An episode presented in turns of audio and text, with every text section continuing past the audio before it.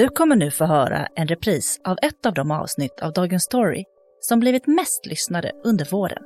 Hoppas att du gillar det. Urban warfare in Bakhmut. Kampen om Bachmut är en av de mest långdragna och blodiga sedan kriget i Ukraina började. Ändå saknar staden strategisk betydelse för Ryssland. Casualties on both sides have been enormous. På en kvart får du veta varför president Putin offrar tusentals liv för Bachmut och varför striderna blivit ett första världskriget i miniatyr. Det är fredag den 17 februari. Det här är Dagens story från Svenska Dagbladet med mig, Alexandra Karlsson.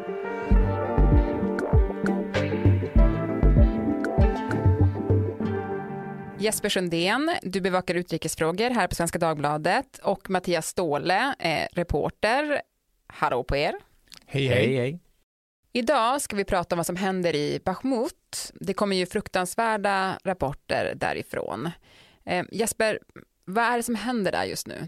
Ja, det är ju ett, eh, ett oerhört blodigt ställningskrig. Man strider om hundratals meter och man långsamt, långsamt så, så rör sig fronten eh, lite ja, i riktning, rys, ryssarna tar mer och mer men de har enorma förluster och man talar om att eh, ja, från ukrainsk sida att det, det är en, som en mänsklig våg som väller in och man, man, man skjuter ihjäl de här men man börjar tröttna på och helt enkelt att skjuta ihjäl de här, för det är så många.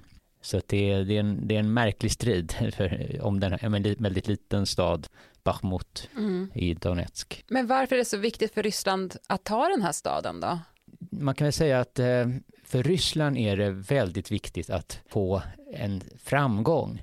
Alltså egentligen har man bara haft en enda framgång sedan slutet av förra sommaren då Ukraina inledde sin motoffensiv och befriade stora områden. Och det var ju för en månad sedan ungefär när man tog en liten stad som heter Soledar som ligger norr om Bachmut. Men det är Bachmut som som är själva målet för en kampanj som egentligen har pågått ända sedan i maj förra året, nio månader. Mm. Och nu är det nog så att eh, Ryssland har satsat så enormt mycket resurser på att ta den här staden, så nu är det viktigt bara i sig. Man, man måste ta den här och man behöver en, någonting att visa upp inför årsdagen av den här invasionen. Mm, som är nästa fredag. Men jag tänker, har den ens någon strategisk betydelse den här staden? Nej, alltså det, Bachmut ligger mellan Donetsk och Luhansk, de två stora städerna i, i Donbass. Och det finns en taktisk fördel att ta den för att då tror man att då har man närmare att gå vidare mot Slojansk och äh, fortsätta sin ryska offensiv. Men egentligen så har den ingen strategisk betydelse.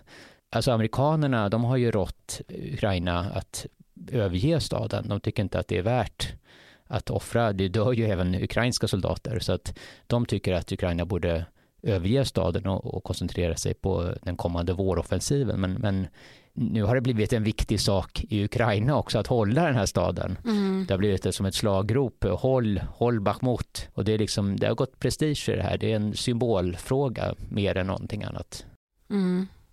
Du Mattias, eh, alltså den här Eh, ryska offensiven mot Bachmut har ju kostat då hundratals eh, både ryska och ukrainska offer varje dag. Alltså varför dör så många i kriget just nu?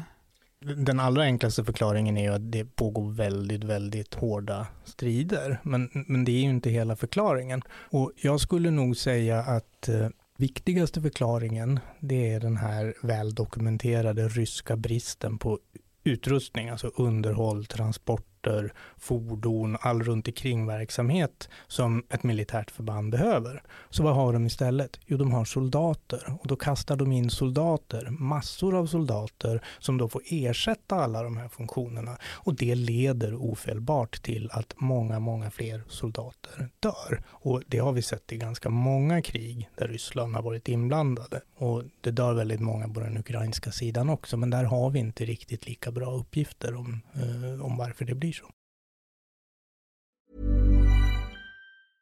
Spring, is that you? Warmer temps mean new Albert styles. Meet the new Superlight Collection, the lightest ever shoes from Allbirds, now in fresh colors. These must have travel shoes have a lighter than air feel and barely there fit that made them the most packable shoes ever. Plus, they're comfy right out of the box. That means more comfort and less baggage. Experience how Allbirds is redefining comfort. Visit allbirds.com and use code SUPER24 for a free pair of socks with a purchase of $48 or more. That's A L L B I R D S.com, code SUPER24. Den lilla staden Bachmut i nordöstra Donetsk var innan kriget främst känd för vintillverkning och en blomstrande saltgruveindustri. Nu, efter mer än ett halvårs rysk offensiv, beskrivs den som helvetet på jorden den ger Wainaeta att... This is not war, this is hell. We were fighting uh, for about 10 hours. They, they didn't stop coming.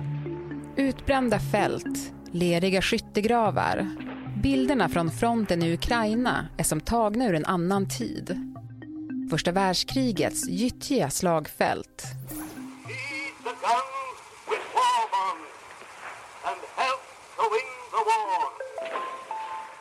när den tyska och ryska armén stod öga mot öga i september 1914 förlorade den ryska armén 300 000 man på två veckor. De tyska förlusterna var bara en bråkdel.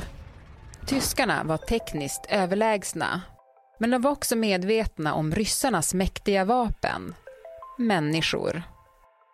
Med sina 170 miljoner invånare kunde ryssarna ständigt mobilisera nya soldater. Och nu ser historien ut att gå i en sorglig repris. За Россию! За победу!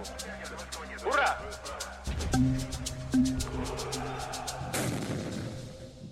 Men du Mattias, det vi ser just nu, eh, det har ju liknats vid eh, första världskrigets skyttegravskrig.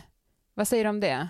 Det är ingen dum liknelse därför att det finns väldigt många ytliga likheter eh, mellan eh, det som sker nu och det som skedde i skyttegravskriget under första världskriget. Men betoning på ytliga, därför att egentligen så var situationen där den omvända. Alltså, första världskriget blev ett låst krig eh, för att alla krigförande parter hade för mycket utrustning och för mycket av allting. Och man hade helt enkelt kulsprutor. Det är stört omöjligt att angripa ett kulsprutenäste med bara fotsoldater, vilket var det häftigaste man hade att tillgå på den tiden. Numera är ju situationen det omvända, att man har hamnat i det här låsta skyttegravskriget för att man saknar utrustning, saknar materiell och det enda man har kvar är soldater. Det liknar ju första världskriget på det sättet att man strider om någonting, man strider om några obetydliga hundra meter utan att man egentligen kommer någon vart. Det är ungefär som slaget vid Verdun 1916 där det dog 300 000 man under tio månader och fronten var helt oförändrad från att det startade till att det slutade. Och här är ju samma sak, man fortsätter striden utan att man gör några egentliga vinster. Men det här sättet att kriga då, som vi ser nu eh, i den här stan, eh, det är ett typiskt sätt för Ryssland att kriga historiskt sett, eller? Ja, det kan man väl säga. Alltså, ryssarna har en, en historisk tradition av att slåss utan utrustning. De har alltid varit i den situationen och då löser de det genom att sätta in en stor numerär. Alltså de offrar sina egna soldater. Det finns ju diverse kända exempel från andra världskriget där man så att säga, helt enkelt sköt de mannar som inte gick framåt utan ville retirera bakåt. Alltså man sköt ner sin egen trupp och så vidare. Sådana rapporter finns ju att det förekommer även nu i, i Ukraina. Ja. Det här gör ju att Ryssland genomgående får ganska höga dödssiffror när de själva deltar i ett krig. Och om vi tittar på så att säga, deras förra stora trauma i krigsväg, skulle jag säga, det var ju kriget i Afghanistan. Där pratar vi 15 000 döda ungefär. Och sen så att säga, fick Sovjetunionen nog. Och det här har man ju överstigit med råge i Ukraina. Mm.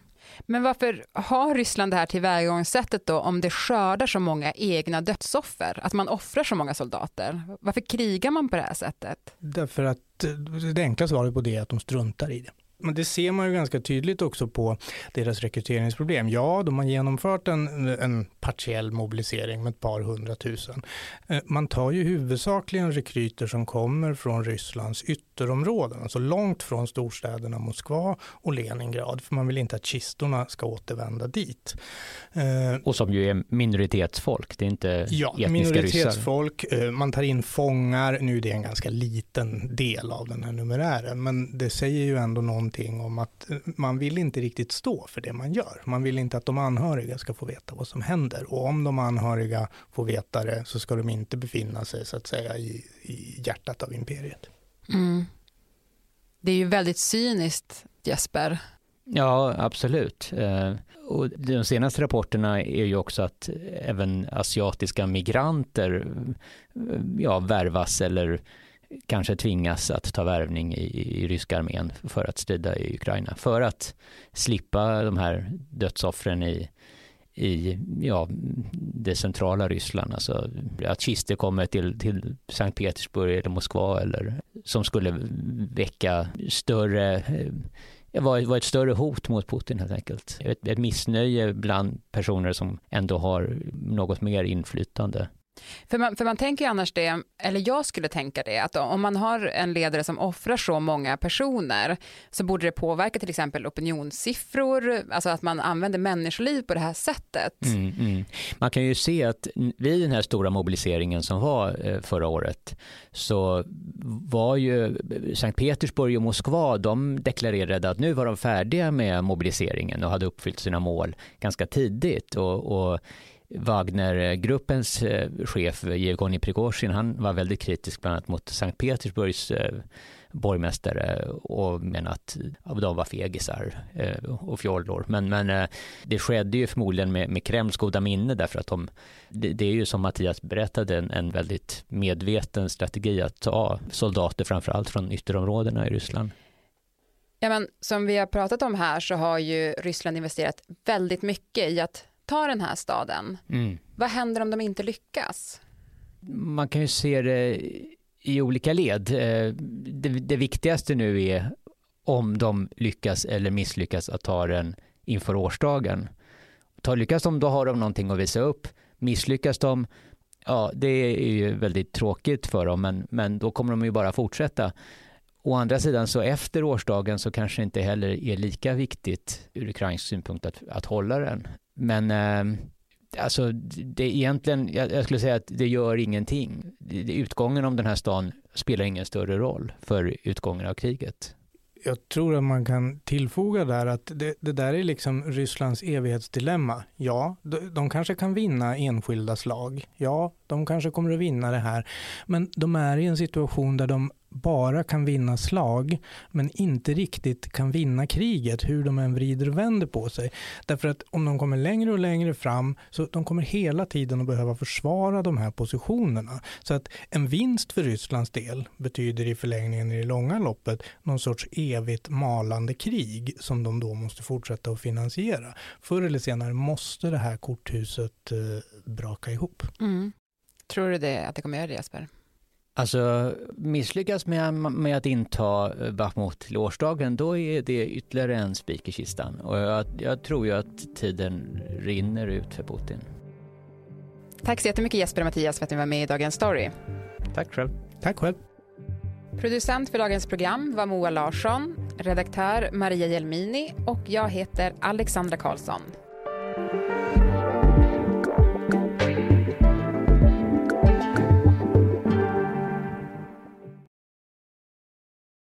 Kontakta oss så mejla till dagensstory.svd.se. Klippen i programmet kom från ITV News, UATV och BBC. Under sommaren sänder Dagens Story repriser av några av våra mest lyssnade avsnitt. Den 7 augusti är vi tillbaka igen med nya avsnitt som vanligt. Vi hörs då.